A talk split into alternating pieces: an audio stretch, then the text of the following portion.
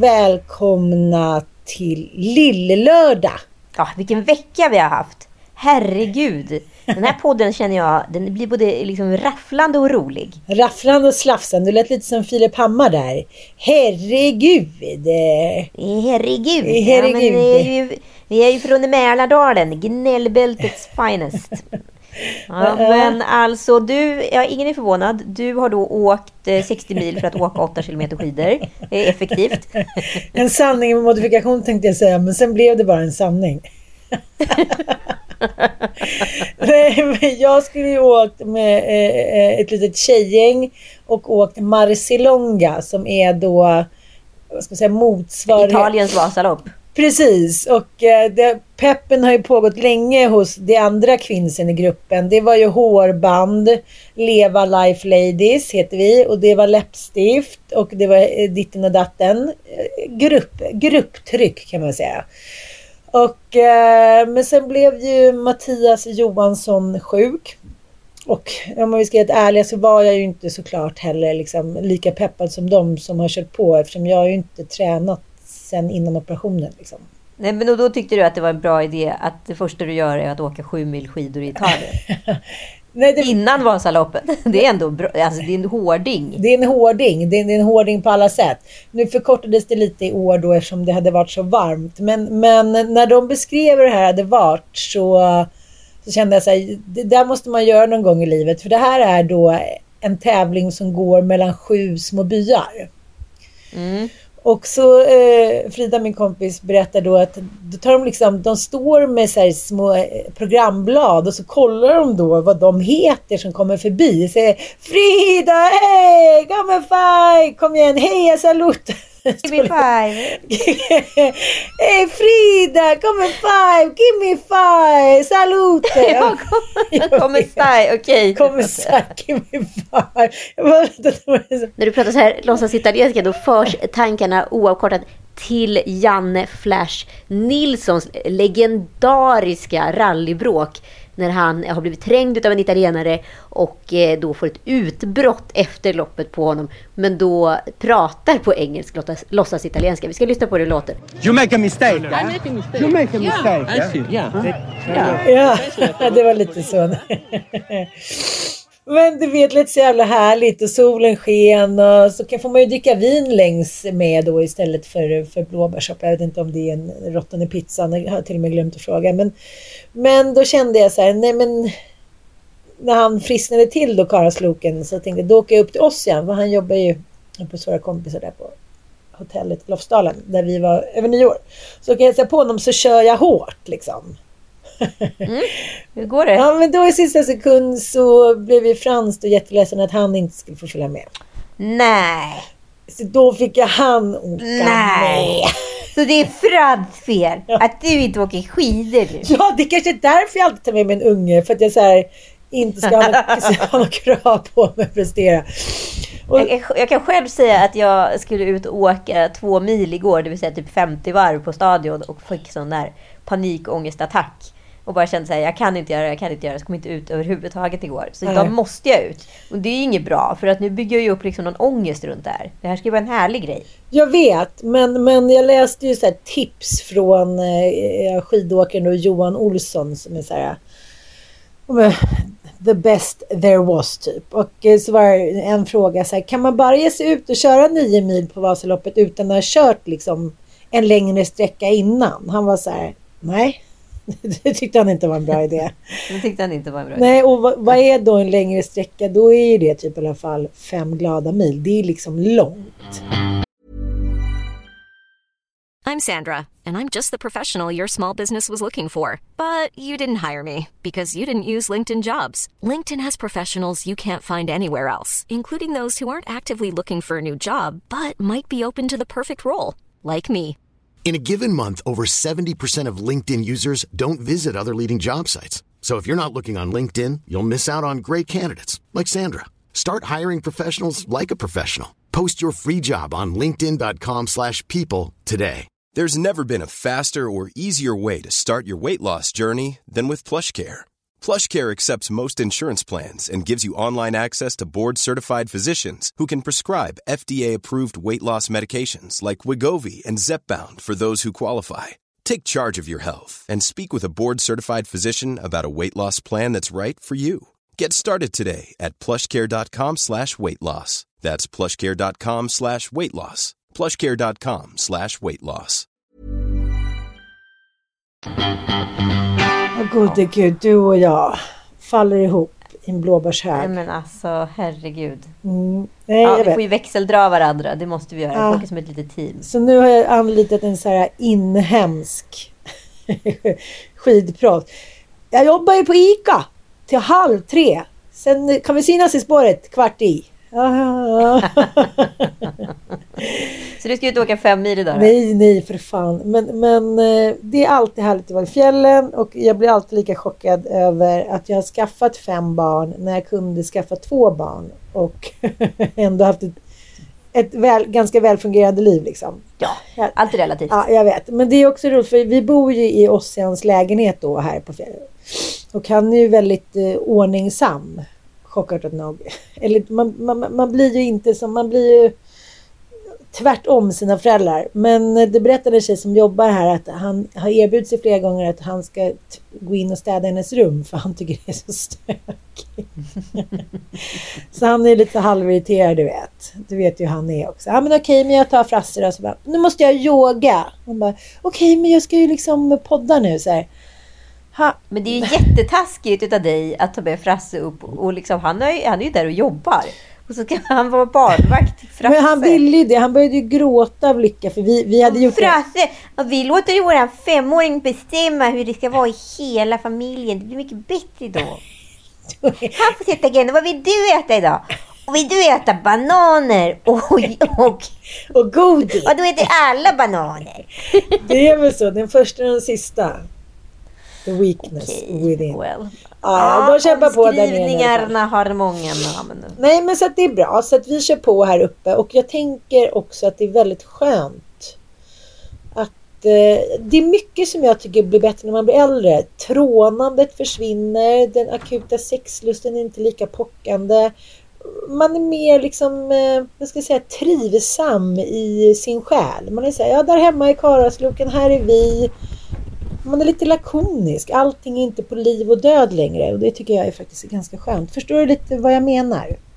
Mm, absolut, men så kände inte jag när jag var på invigningen förra veckan utav Coupe de Tat, Erik Videgårds nya restaurang som ligger där gamla Beirut Café låg. Eh! Persisk crossover kitchen, jätte, jättegott. Ehm, och jag har på mig det, det är en dresscode som är mörk kostym. Jag har ju något problem med de här dresscoderna som är mörk kostym. För det är ju egentligen att man är lite mer dressad än vad man är. Men så börjar en invigning klockan sex. Förlåt, men jag har liksom ett vanligt jobb. Jag kan inte bara gå hem och byta om till någon galastass för att sen gå och sätta mig på restaurang. Varför, Hur som helst Ja, jag fattar inte varför var det Va, så viktigt att det skulle vara mörk kostym på en... Nej men de ska väl alltid ha såna här eh, liksom små... Jag vet inte varför det alltid ska vara någon grej utav det där. ja, ja, Man ändå, ja men du vet man kommer dit ska man sitta ner vid ett bord hela kvällen eftersom det är så covid-regler. Liksom. Mm. Eh, det är ju inte så att man går runt och minglar och liksom, det är ett party om vi säger så. Då. Nej, men snart Nej, så. men Snart hur så. som helst, snart så. Hur som helst så vad heter det, har jag på mig en tjockstickad tjock stickad tröja och ett par, eh, ja, ett par svarta byxor. Rätt eh, liksom casual men ändå lite uppklädd med lite höga stövlar och sådär. Men den här höga bruna tröjan jag har som är stickad, den är liksom lite ullig så att det, det flyger lätt iväg små liksom ullflan från den där som kittlar lite här och där. Märker jag. Och jag, jag kommer till festen samtidigt som Jens Lapidus och eh, vi hälsar artigt så här och eh, han blir liksom placerad, vänta om den. Han blir liksom placerad snett emot mig så han faller liksom, han är precis i mitt blickfång hela tiden. Han sitter två bord bort. Eh, och jag märker liksom att små såna här ullfibrer letar sig in i min eh, ena näsborre hela tiden. Varpå jag börjar liksom gnugga liksom, och försöka få ut det här utan att faktiskt de facto peta mig i näsan. Jag försöker liksom på olika sätt så, liksom stöta mot näsan med ena knogen och jag drar näsan med liksom handloven och håller på tills jag ser att Jens sitter och tittar rätt intensivt på mig. och då tänker jag direkt, i och med att han då skrivit Snabba Cash, Ja, jag att nu vet. tänker jag att han tror att jag är kokainist. Så Aha. hela kvällen går då ut på att liksom försöka så här, för jag kan ju inte gå fram till honom för jag vet ju inte. Du bara, det är en dammknott. Det är inte en lina cola. Är det det du tänker att han Precis. tänker? Exakt. Ja. Och då ska jag ju då försöka då illustrera det här visuellt för honom. Att man liksom... eh, att man liksom så här, och så att jag försöker liksom låta tröjan stöta till näsan. Fast på, alltså jag, Jaha, du körde clownen Manne. Det skulle säga jag körde mim, Clown Manne, det blev liksom improvisationsteater som just mimartisten. Du, bara, du trodde att du var på en lyxkrog, men det var soppteater. Exakt, och så försöker jag liksom snyta mig lite i näsduken, vilket är helt opassande eftersom det är så covid-tider. Så att säga, vad jag än gör resten av kvällen blir liksom fel. Jag fattar, så jag för mig var det en kväll på liv och död. Och nej, Jens Lapidus, jag hade inte dragit en lina, jag hade bara damm i näsan. Ja, men nu tycker jag att det låter som att du har suttit nätterna igenom och eh, gått igång på massa konspirationsteorier med poddaren Joe Rogan. Jag förstår inte vad du menar. Det är lite som eh, eh, dagen innan PMS. Då har man jävligt mycket konspirationsteorier om alla människor runt om. Hur de Otroligt alltså. försöker, försöker fälla en, rent bokstavligen. Ja, nej, men jag eh, måste berätta en historia också om honom då, Jens Lapidus. Ska vi prata lite om honom? För att eh, han är ju Du är ju besatt av honom, för du vill ju prata om honom i var tredje podd Jo ungefär. men jag vet, jag vet. Jag vill ju att han ska vara någonting annat i verkligheten. Jag målar ju upp en, en liksom, en liksom lite så här sexig konspiration. En, en stor gangsta. Förstår du? Och sen, Ja. sen när jag träffar honom i verkligheten så, så är han ju inte, ja, men, han, han, han, han, inte någon framtoning av supergangsta. Mer intellektuell italienare. En farsa som alla andra farsor. Jag förstår du. Med bra skägg liksom. Med bra skägg. Ja. Ska vi... Det, ska vi, det måste vi ge honom. ja. Men det finns ju någonting spännande med honom för att han var ju faktiskt den första svenska författaren som liksom gjorde en riktigt jävla trovärdig skildring av orten. Vilket gör att bara på det så får ju han liksom jävligt mycket pluspeng i sex appeal, eh, liksom garaget. Det måste vi ge honom. Gud, ja. ja. Så att man har ju på något sätt någon längtan efter att bli sedd av honom för att han är cool, för att han kan skriva om gangsta. Så känner jag. Det är min egen Och jag tolkning. älskar när du också säger gangsta på det där otroligt gangstiga sättet. Jag kan, jag kan, Det bubblar i hela mig. ja, jag vet, du är så Jag blir så glad. Ja. Jag- Nej, jag blir så glad. det? Jag, tänkte, Ja, jag tycker det är det roligaste jag vet, när du, när du går liksom igång. jag kan säga det på italienska också. Gangsta. Ja, snälla. Gangsta. You make a mistake. I make a mistake. You make a mistake. I see. Yeah. Yeah. I penso that I go to the Med det vill jag säga att ibland när man är lite uppsluppen på fest så kan man ju få liksom för sig saker. Precis som du fick för sig nu att, att han trodde att du skulle ha dragit en lina cola. Vilket känns helt otrovärdigt eftersom ja, det, det var liksom inte den kvällen, om du nu nu skulle ha gjort det så kanske inte det var just den här kvällen. Men Det är du, väl också så här, som att han skulle vara på någon jävla så här, knarkspaningswatch inbyggt hela tiden. Det, är, det ligger bara hos mig. Det är bara för att han har skrivit om det här. det är jävligt roligt. Det är också en väldigt jobbig stämpel att ha att man här skrivit om någonting. Och då Ja. är det för alltid liksom, då är man den personens karaktär. Men Som att han skulle bry sig om jag har damm i näsan. Alltså så nej, det finns ingen logik i det där. Ja, ja, skitsamma. Berätta du, vad hände i somras? Jag var ju på Martha och Claes Åhlunds eh, bröllop. Och Just han det. var där med sin fru. Och jag tycker så här, vi har ju ändå sett på lite tillställningar. Man kan väl ändå så här nicka lite 50-talsaktigt så här. Eller liksom fingret på kepsen. Ja, men visa så här, Jag är Candice, du är Candice. Vi kan varandra. nej men jag tänker att vi har ju båda skrivit böcker. Jag, jag, ja, ni förstår, alltså jag ville så gärna att vi skulle vara tjenis, tjenis-penis. Han var liksom så jävla motorvals. Och hur mycket jag försökte så var han liksom, han hade bara ögon för sin fru. Och då började jag med min konspirationsteori liksom vinka. Ah, det inte har inte varit bra mellan dem på ett tag. Så att hon har sagt innan de gick ut att du ägnar dig bara åt mig. Det kunde liksom inte bara ta. Att han inte bara, Åh. kunde, att han inte bara kunde nicka när vi stod i baren. Nej, alltså det var, då var det, hans, då var det liksom hela hans relation som var dålig. Ja, precis. För det kunde inte bara Istället för att han inte gav dig en nick. Ja, han kanske bara inte ville spela känner ju inte dig. Nej, han han ville inte spela B-kändisspelet. Han ville bara så här, vara där med sin fru som hade en svinsnygg Han var på en klänning privatfest och, ha dansa. lite kul. Ja, men jag kunde Ja. inte acceptera det. Så att hela kvällen gick åt att jag kan, du vet, så här, trängas in på så här brittisk komedisätt. Så här! Så, så snälla Jens, ge mig bara typ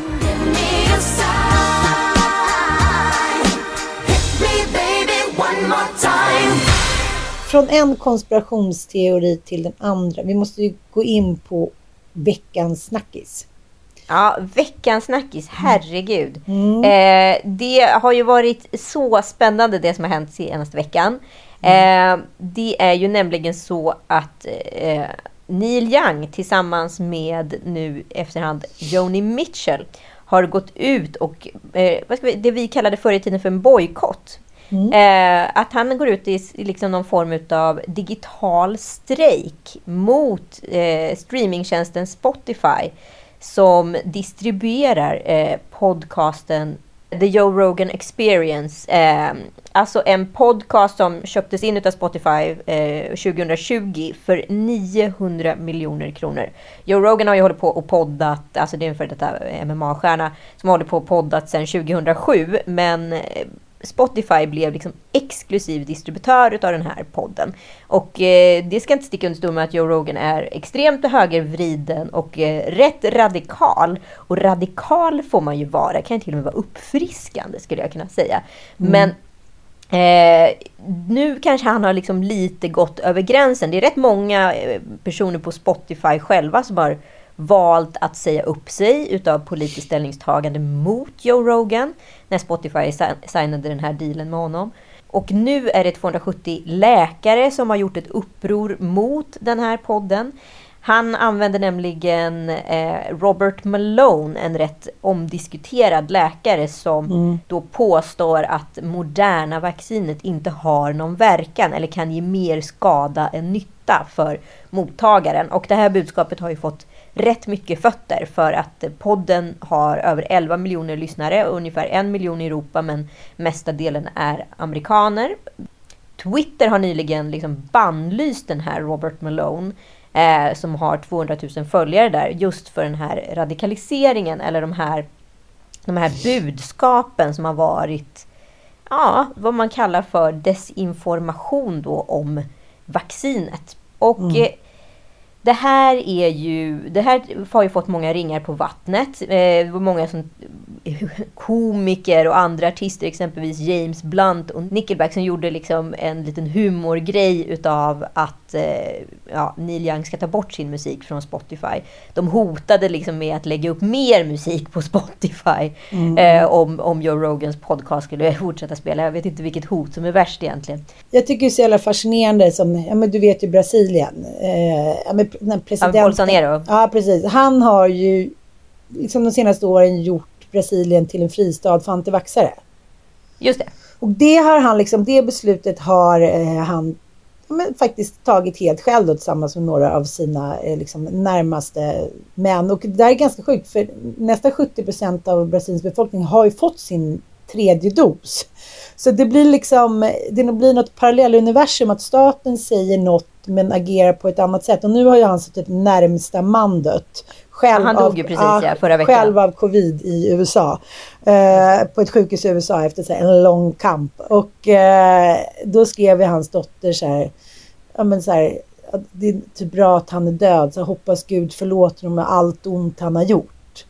Och eh, jag tycker att det är, jag bara får, får vibbarna av så här, tredje riket och vi bestämmer själva och liksom, man, man låtsas att man är en demokrati men sakta men säkert så liksom Ja men du, inför man så här, men du vet, karenser och nya lagar, att vissa inte är lika bra fram. Och det här blir ju, man är ju radikal och vill visa på något sätt att man säger en open-minded, eh, liksom på något sätt utbildad hippie. Men det som du och jag har pratat om är ju att det radikala förbyts ju smygande men sakta men säkert till någonting annat som är icke-demokratiskt. Liksom. Och det är väl det som man tänker Joe Rogan med all den makt han har. Liksom. Att han blir en fristad för antivaxare. Och jag tycker det faktiskt är helt jävla absurt. Ja, alltså jag kommer inte lägga någon värdering i det, för det är jättemånga som är, tycker att det han gör är jättebra. Jag tycker liksom däremot att så här, det här problemet är, precis som du nämner, mycket större. För liksom, använder man liksom demokratin, mm. eh, liksom, eh, yttrandefrihet på ett felaktigt sätt, då blir ju det till sist en antidemokratisk handling. Och då är vi på väg in i en annan typ av statsmakt än vad vi faktiskt har. Och jag är ju mm. liksom åter alltså så här, vi lever under, under så extremt privilegierade former och har de här möjligheterna. Så jag tycker att man ska vara väldigt rädd om dem.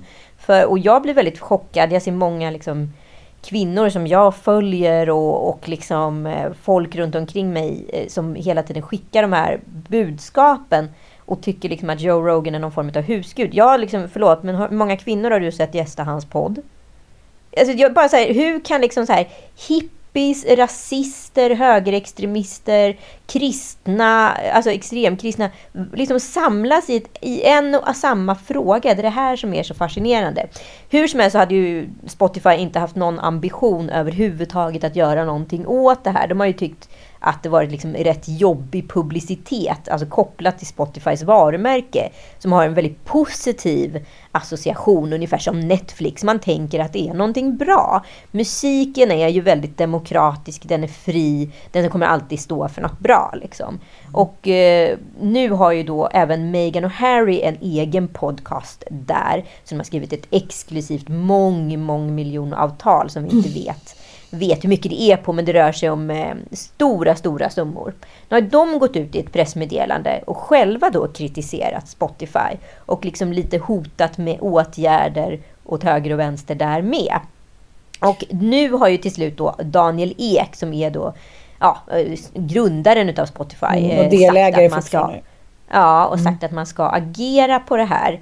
Eh, och, eh, men man vet inte riktigt hur än. Det, det som det nämndes eh, senast som jag läste, det var ju liksom att man Spotify då skulle avsäga sig eh, ansvarig utgivare liksom för den här podden. Så att det skulle betyda att Joe Rogan då är ansvarig utgivare. Så skulle någonting brottsligt eh, liksom sägas, då skulle egentligen Joe Rogan då behöva ta det yttersta ansvaret istället för Spotify just nu som är distributör. Um, De ska det, också ja. ha en länk under var, varje podd då som sprider någon form av, eller ens pratar om Corona. Så att man själv kan gå in och informera. Men, men den lösningen tycker jag är liksom helt absurd. Det är ungefär som när liksom nazisterna den första april typ 1933 så införde en dag då den 4 april mot att man ska bojkotta att handla i judiska affärer. Alltså, ja, förstår nu vet, behöver jag inte gå... Ja, men det är lite som... Fort du skriver någonting om covid idag på sociala medier, alltså i inlägg eller i stories, då kommer ju liksom upp en sån här liten automatiserad... Ja, det är eh, deras lösning. Ja, knapp då som ska då leda till WHO eller Folkhälsomyndigheten och så vidare. Men det är väl ingen som trycker på de knapparna. Och här i Sverige har vi också poddare som har hoppat på den här Joe Rogan-trenden. Och eh, jag tror att man kanske anser att man är lite av en modern philosopher. Alexander Pärleros han kör ju liksom rätt många och även Katarina Gospic har ju kört rätt många stories då på, eh, som evidens av att många fotbollsspelare har fått hjärtproblem. Och hon är så här, är det vaccinet som har gett dem det här? Eller är det coviden? Och det är väl inte riktigt fastslaget än, men hon vill hela tiden dra åt att det ska vara Eh, alltså själva vaccinet som har orsakat det här. Och nu ska hon gästa Pärleros i kommande vecka här. Och eh, ja, och han, Alexander Pärleros sprider ju en massa okunskap. För det är massa människor då som skickar in olika meddelanden till honom där de berättar om vilka komplikationer de fått av vaccinet. Det är ju ingenting som är stärkt av någon form av forskning eller evidens överhuvudtaget. Och även Jocke Lundell har gjort en så fråga-svar-grej där man skriver så här. Skriv din impopulära åsikt är vad heter eh, själva uppmaningen från Jocke då. Och då skrev någon då, är antivaccin. Och då ska Jocke då svara på ett påstående indirekt han har skrivit själv. Eh, det finns inget vaccin. Vaccin betyder skydd emot smitta. Oj. Det finns inget läkemedel som skyddar emot skydda i nuläget. Ja, lite konstigt formulerat. Så det folk sprutar i sig bör inte längre klassas som vaccin. Det lindrar symptom. Det är superbra oavsett.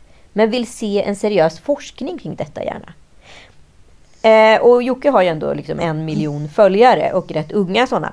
Det är det Men det är ju märk Mm, det, det som är problemet med informationssamhället är ju att det sprids en jäkla massa desinformation. Det ser vi ju inte minst från eh, amerikanska presidentvalet där vi såg liksom just högervridna populistiska liksom, eh, budskap spridas via Facebook och så vidare. Som fick otroligt eh, liksom, hög träffyta och så visade det sig att det var liksom någon soloknackare typ i Rumänien eller i, eh, i Dagestan som satt och gjorde de här och fick 80 öre per klick. Som klickade in på de här artiklarna. Artiklarna var helt fabricerade. Och Bill Gates har ju nu fått gått ut och eh, dementerat via Reuters då att eh, de här att påståenden om att han aldrig vaccinerat sina barn och också är antivaxare inte stämmer. Det är alltså en satirsajt som har spridit de här nyheterna. Och den informationen har spridits på ett sätt så att det har plockats upp av antivaxare och använts som argument, argument för att inte vaccinera sig. Så att så här, det här är ju liksom ett problem när så många tyckare ska tycka eh, om samma saker. Och det här är egentligen ingenting vi kan tycka om. Alltså vaccin är ju väl beprövat. Det är ju inte så att så här, vi kom på vaccin, eh, covid-vaccinet igår. Det kom ju från en stam, från en cancer och sars-vaccin. Så man bara utvecklat den här sista, sista stammen. Mm, och det tog, så det går ju fort att ta fram ett vaccin idag för att hela, hela grunden är ju skapad under liksom 50 års tid. Eh, Så det är ju inte så att vi bara hittade på ett vaccin från början till slut. Liksom. Det är därför så många liksom, läkemedelsbolag kan forska samtidigt på samma grejer. För det är lite som Teslas patent. Alla har det liksom. Och kan göra någonting åt det. Men sen så får man kanske utveckla sin egen del, det sistnämnda. För att Det med mest stålar.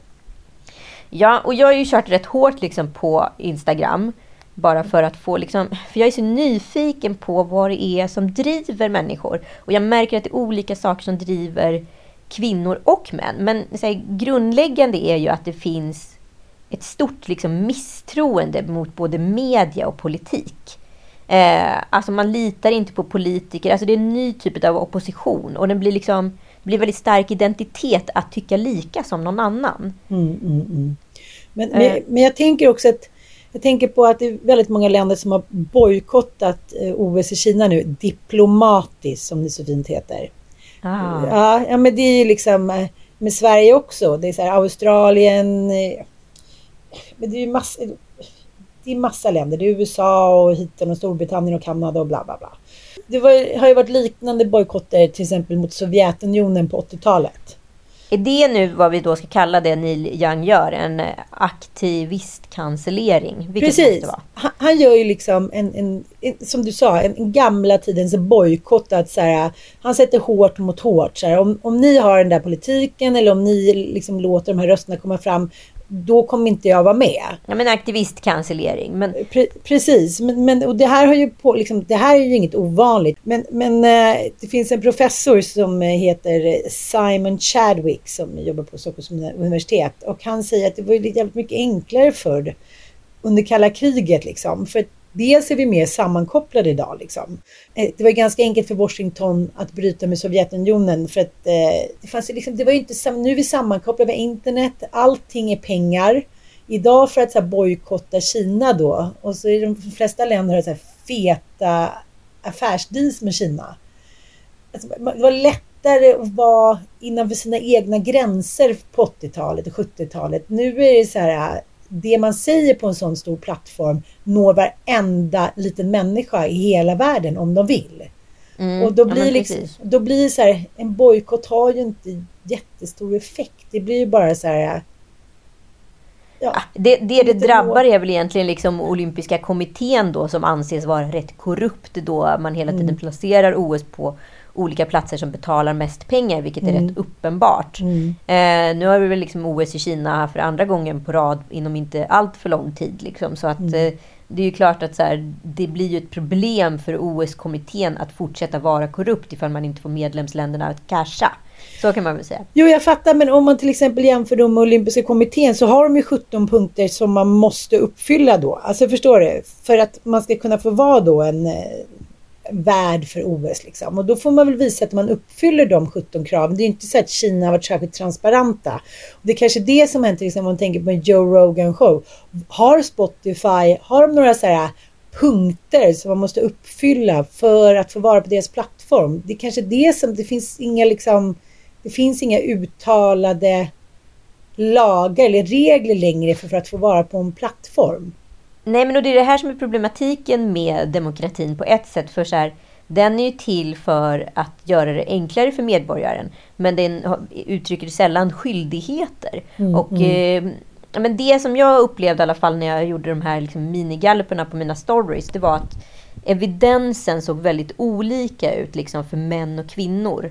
Eh, kvinnor skulle jag kunna säga, de går på en känsla och känner så här, nej men det här känns inte bra. Alltså det är någonting som inte stämmer. Eh, och liksom, eh, då hittar en annan person med samma upplevelse och känsla och sen kanske söker rätt grund, skulle jag säga, efter fakta. Och då får den faktan verifierad. Och då verifieras känslan och mer evidens än så behövs inte. Under tiden män då, de, de skaffar en YouTube-kanal där de liksom eh, då pratar om...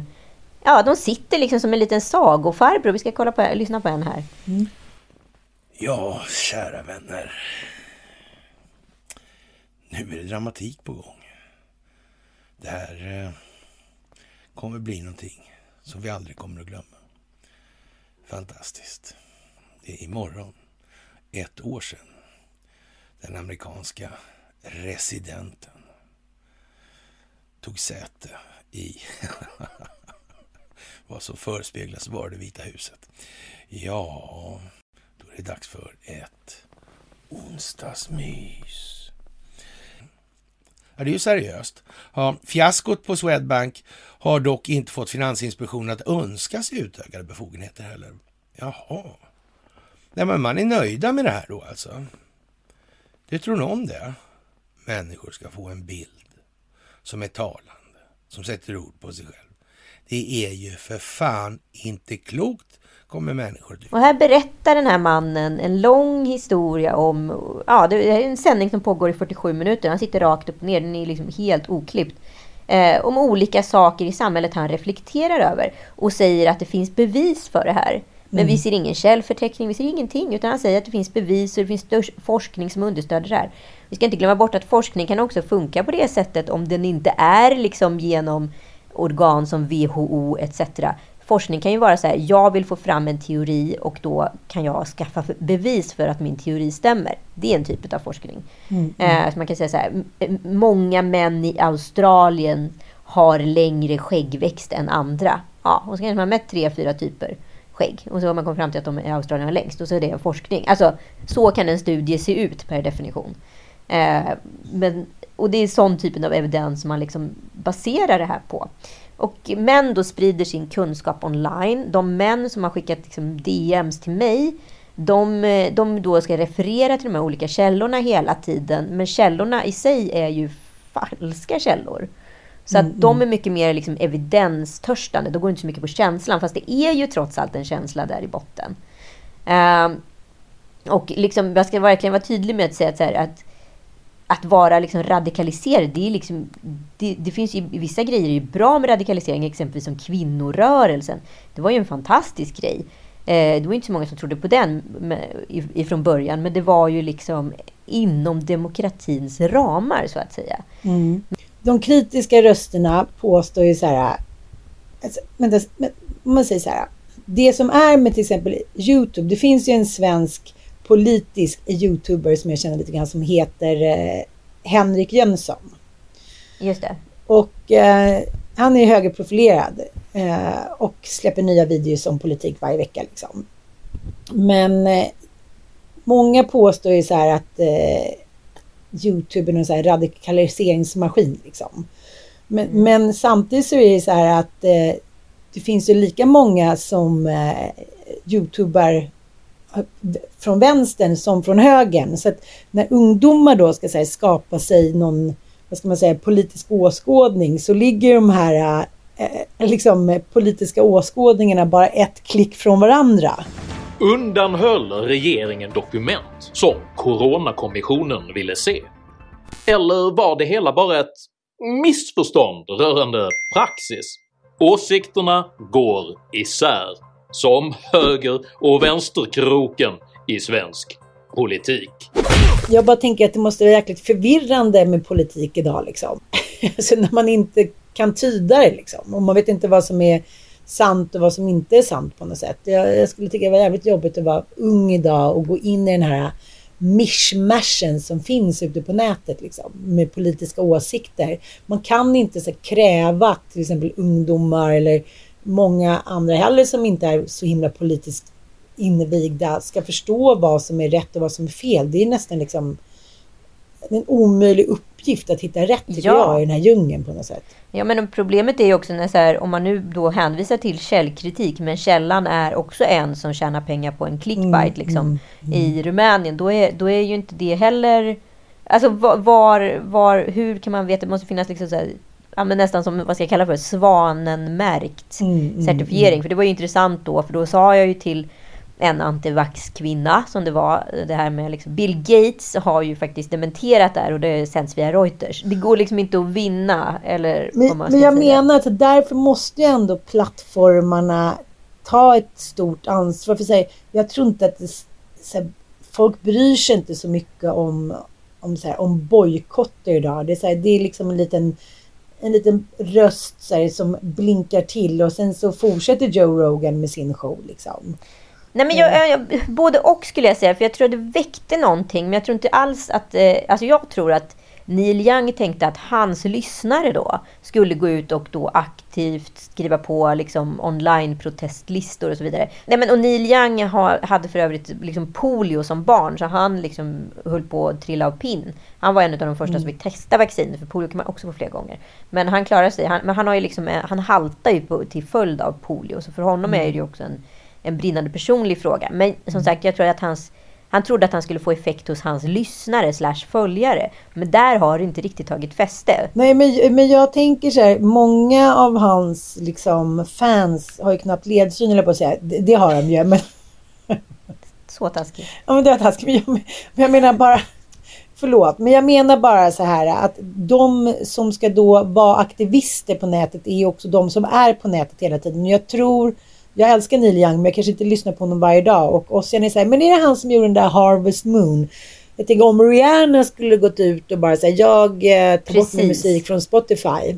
Hon är förresten gravid. Jag, tycker, jag blev så glad av det. Jag blev så otippat glad att hon var på smällen. Jag vet inte varför. Men hur som helst, nej, men han, han fick inte bäring ur det. Men han fick med sig Joni Mitchell och däremot började en vecka andra eh, liksom kända personer med röst. Liksom. Mm. Exempelvis har han ju fått med Meghan och Harry på tåget och det betyder ju att så här, säger tillräckligt många ifrån så måste liksom Spotify agera. Så är det ju. Liksom. Så han kanske inte fick dem han vände sig nej, till. Nej, nej, men han fick de andra. Så att jag tycker att det har varit en, om vi nu ska utgå från att han har rätt då, en lyckad aktion. Liksom. Mm. Jag måste ändå säga att det här var första gången som jag kände sig med Meghan och Harry att men era puppet dolls typ. Ni har fått så här, en miljard för att göra poddar på Spotify. Ni har gjort en Holiday Weekend podd och sen har ni inte gjort något mer. Och jag tycker också att det är så här, samtidigt sänder ut fel signaler. Att är du rik och kunglig och snygg,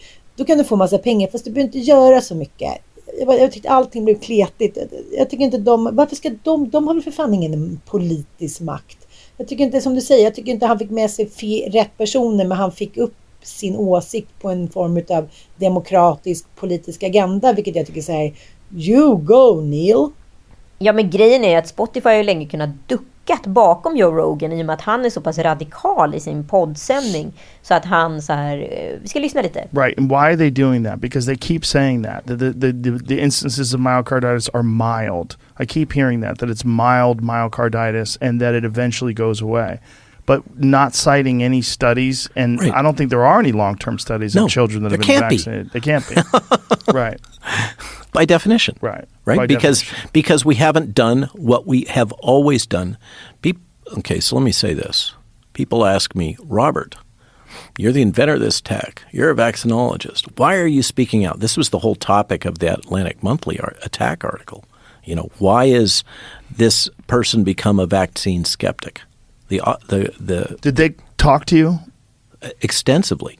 And the three days before this thing came out, the journalist, who's it's a fascinating, he's a young man.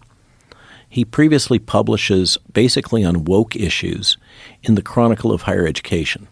This is his first big article. Okay, he was clearly hired, and they explicitly say the article was funded by the Robert Wood Johnson Foundation and the Zuckerberg Chan Initiative. Okay, Robert Wood Johnson is ma- the major shareholder in J and J, and Zuckerberg Chan, of course, is Facebook. Okay, so Facebook and Zuckerberg Chan have funded this attack article by this guy that normally writes about wokeness in the Journal of Higher Education. Nej, men, så att de har ju kunnat duckat liksom bakom honom i och med att hans podd har tagit så mycket fokus. Nu var det för första gången varit Spotify som har varit i fokus. Och då har det blivit lite så här, för Spotify vill ju vara en av de coola, en av de goda och så vidare. Och då blev det helt plötsligt lite känsligt. Så man, man satte liksom ögonen på distributören. Om vi ska prata om det som hände under metoo, där det var mycket liksom fokus på förövaren och inte organisationen bakom förövaren.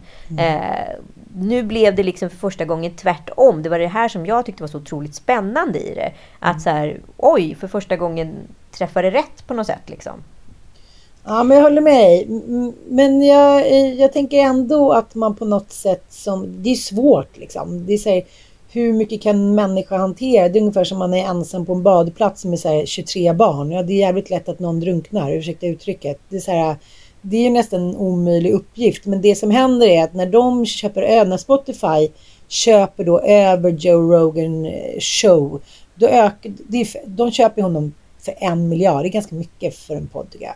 Det är jävligt mycket. Absolut. Men aktierna ökar ju med 20 miljarder så det här fyller ju liksom samma, ja, men det är samma mekanismer som med OS då, att de ska uppfylla de här 17 punkterna för mänskliga rättigheter men är inte transparenta för fan, Kina har väl aldrig varit transparenta.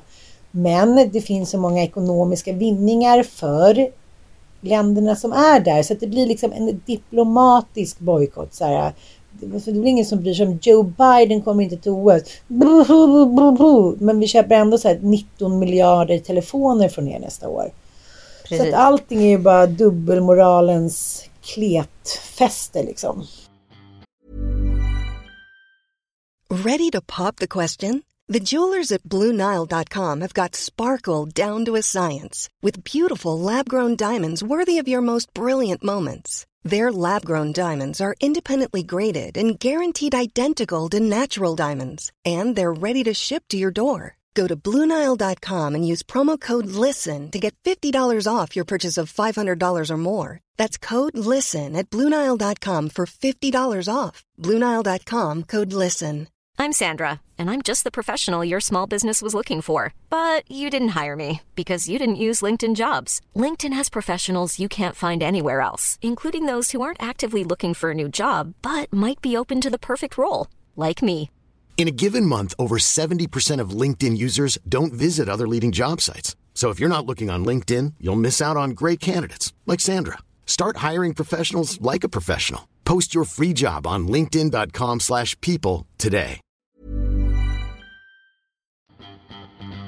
Men om vi nu då pratar och stannar lite i det här med liksom att använda demokratin eh, för att skapa antidemokrati.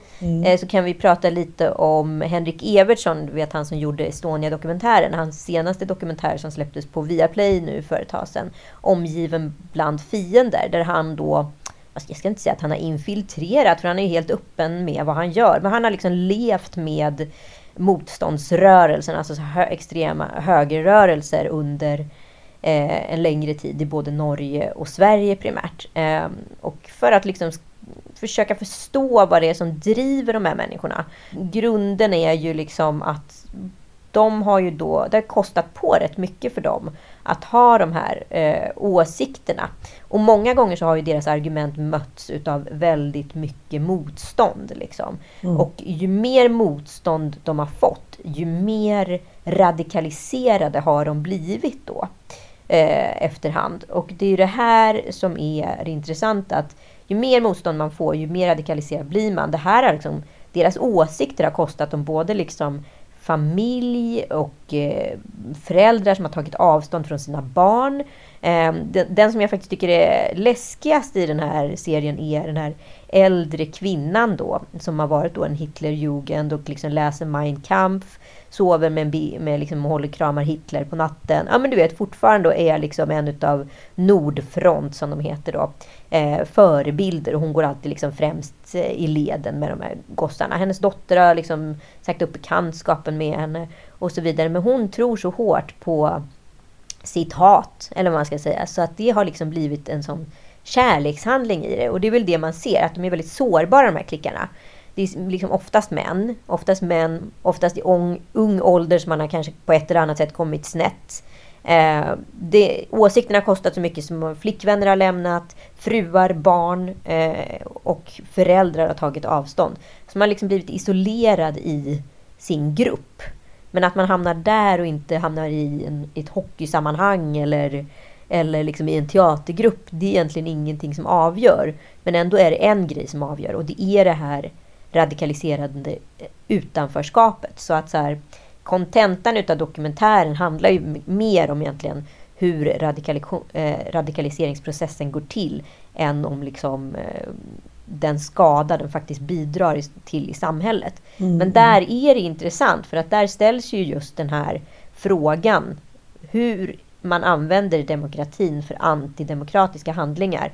Det blir till sist eh, ett hot mot demokratin. Så mm. det man inte förstår är ju att du blir ju alltså terrorist, så kallat. Mm. Utan att veta om det.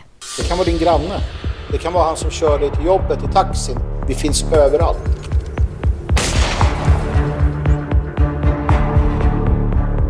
Mitt namn är Henrik Evertsson. De sista sex åren har jag följt ledare och medlemmar i högerextrema organisationer i Sverige, Norge, Finland och Danmark. Vi ska vara trygga med den demokrati vi har. Och om vi inte behandlar alla lika öppnar vi upp dörren för onda krafter. Ah, spännande, spännande, spännande. Det här är väl inte a last word on this kan jag tänka mig. Nej, men jag, skulle, jag, tror, jag tror inte vi är långt ifrån en lagstiftning eh, hur man uttrycker sig eh, i digitala och sociala medier under demokratiska paroller. Mm. Eh, det kommer hamna under, jag är inte säker på att det kommer hamna under terroristlagstiftning, men någon form av så här, antidemokratisk handling. Mm. Jag skulle inte vilja ha en sån personlig lupp på mig. Eh, för att jag tänker att jag gör någonting bra för världen. Men eh, det är jävligt stora och svåra frågor här. Jag tycker det här är sjukt spännande och jag tror mm. det kommer få mycket större konsekvens än vad vi kanske anar just idag. Mm. Jag tycker också ett övrigt samhälle, i stora plattformar, eh, kör man ändå med någon form av synlig eller osynlig kvotering. Men Joe Rogan show så är det så här 99 av 100 gäster är ganska radikala snubbar. Ja. Det känns också så jävla ofräscht tycker jag. Även fast jag tycker att han är underhållande och en duktig intervjuare och det är liksom inget fel på hans workmanship. Men jag kan känna så här, kom igen nu. Vädra ur liksom gubbkostymerna i garderoben. Det kan inte vara så som vissa påstår. Det är så svårt att få tjejer till frågesportprogram. Så här.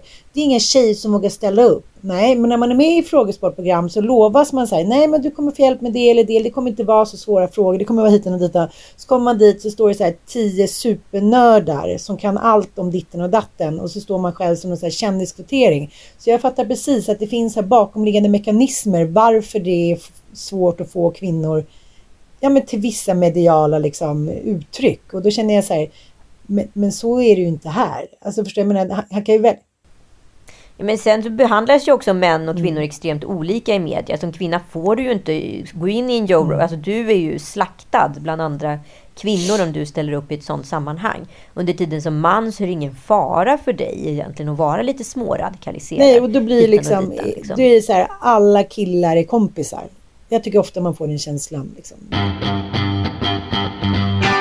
Tillbaka till en annan grej som är extremt odemokratisk måste vi prata om eh, Svensk Damtidnings betygssättningssystem ja, på outfitsen på, på, på ja. Guldbaggen. Vad fan var det? Du gjorde ju en väldigt, väldigt rolig story om det. Nej men alltså de hade alltså bara ratat människor som de själva ansåg på någon Mm. form av coolhetsskala. Där det gick mellan liksom 5 till 3. Fast Ja. man kunde också få 3,7 som Aliette Oppenheim fick för sin outfit. Det betyder att hon, du är nästan lika cool som Kakan Men det var inte helt riktigt. nytt och väldigt radikalt kan man säga. Svensk Damtidning tokade till det. radikalt. Och körde 3,7 och de trodde att det här var någon så här skridskotävling. I, I skridskodans. Ja, eller liksom att så här, Jag bara kände att så här, 3,7 det låter som ett snittbetyg från högstadiet 1995. Jag tänker att de gör allt för att verka lite moderna. Men det var en ganska eh, rolig blandning tycker jag i år av, eh, av haute couture. Det kändes lite modernt. Men så tänkte jag att här, Jonas Karlsson fick fem plus, eller getingar var. Han hade en svart kostym i sammet som var lite liten. Då kände jag också så här, same same. det är inte mycket man behöver prestera för att eh, få fem Nej men det handlade ju uppenbarligen inte om kläderna. Det var ju någon form av coolhetsbetyg. Det kan vi väl fall konstatera. Precis och eh, jag fick mig en liten släng av sleven där jag skrev om eh, Jonas Karlssons fru att nu, nu är hösten tillbaka och det vinröda läppstiftet. Ja. Det var flera som hade vinrött läppstift och om jag ens har levt så 200 år så kommer jag aldrig tycka att det är snyggt med vinrött läppstift på bleka kvinnor under vintertid. Det, liksom, det matchar inte. Det kan vara skitsnyggt med så här härligt glossigt läppglans på Mallis typ efter en så här tequila sunrise. Men, men det blir inte bra på Guldbaggen. Det blir inte det. Det blir bara inte det. Eh, då skrev jag så här, åh, jag, jag noterar att det vinröda läppstiftet är tillbaka.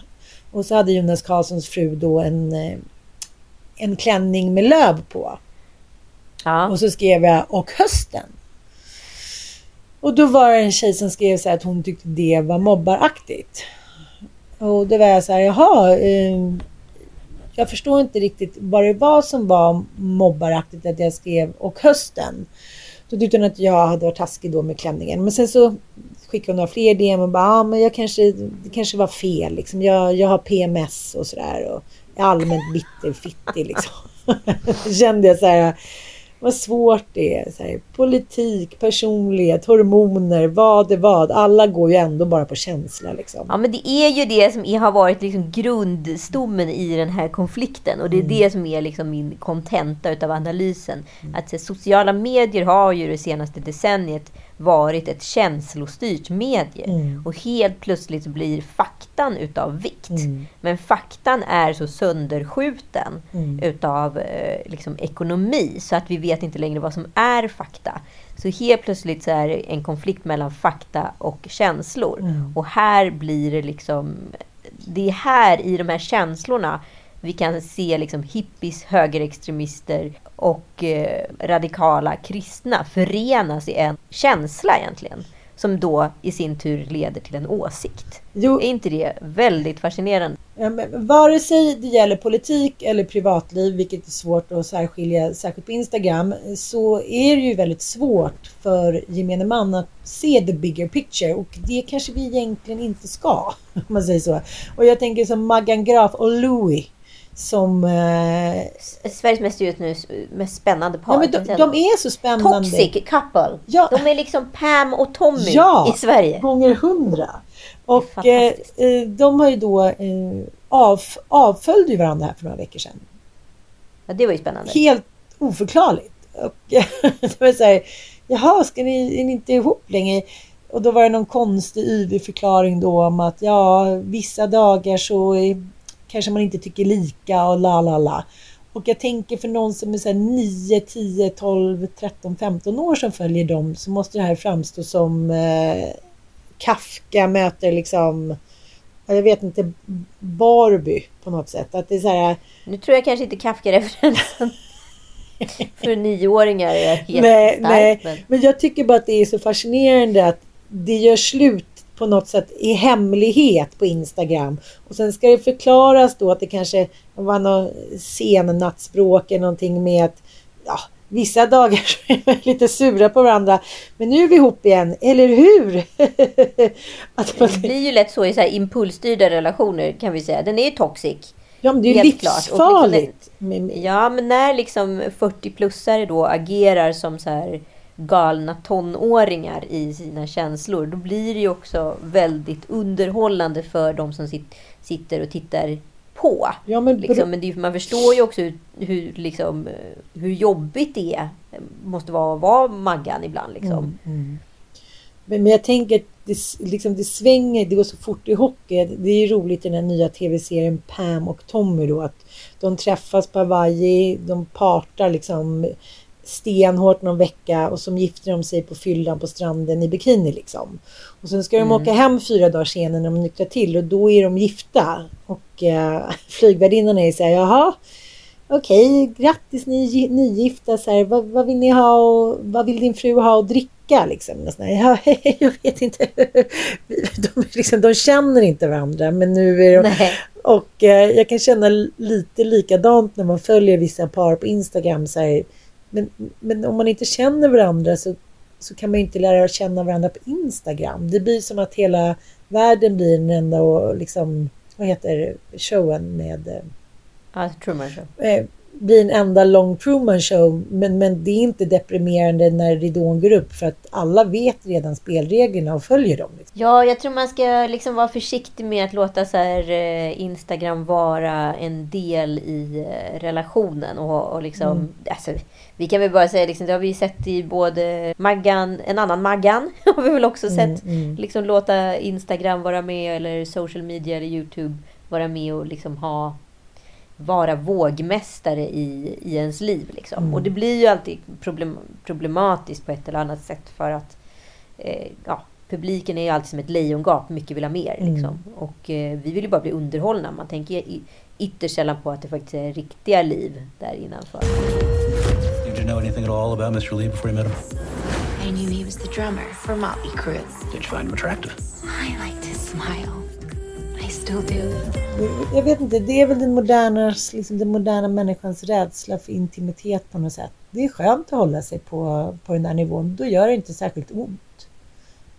Mm. Ja, precis som Maggan och Louis så tror jag som sagt eh, sista ordet rörande Rogan och Spotify inte sagt. Någonting säger mig att de här två parterna mm. kommer börja rikta svärden mot varandra snart. Vad säger du? Har, är min känsla är min känsla rätt eller behöver jag hitta evidens för det? Nej, men jag tycker inte du behöver hitta någon evidens. Rent historiskt är det ganska tydligt att sårade män riktar ju sina pilar mot andra sårade män och i slutändan så är det det stora egot som måste få sitt. Tack för att ni har lyssnat. De här två egorna är tillbaka om en vecka. Puss och kram!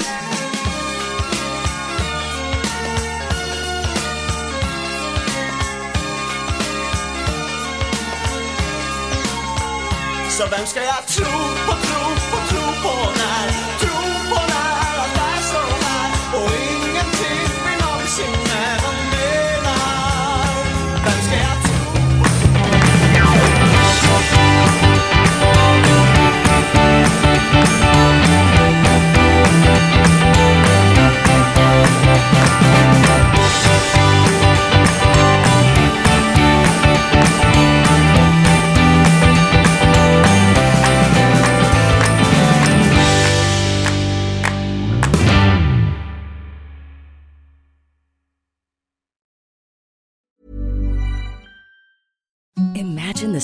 Softest sheets you've ever felt. Now imagine them getting even softer over time. That's what you'll feel with Bowl and Branch's organic cotton sheets. In a recent customer survey, 96% replied that Bowl and Branch sheets get softer with every wash. Start getting your best night's sleep in these sheets that get softer and softer for years to come. Try their sheets with a 30-night guarantee. Plus, get 15% off your first order at bowlandbranch.com. Code BUTTERY. Exclusions apply. See site for details.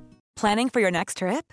Elevate your travel style with Quince. Quince has all the jet setting essentials you'll want for your next getaway, like European linen, premium luggage options, buttery soft Italian leather bags, and so much more. And is all priced at 50 to 80% less than similar brands. Plus, Quince only works with factories that use safe and ethical manufacturing practices. Pack your bags with high-quality essentials you'll be wearing for vacations to come with Quince. Go to quince.com/pack for free shipping and 365-day returns.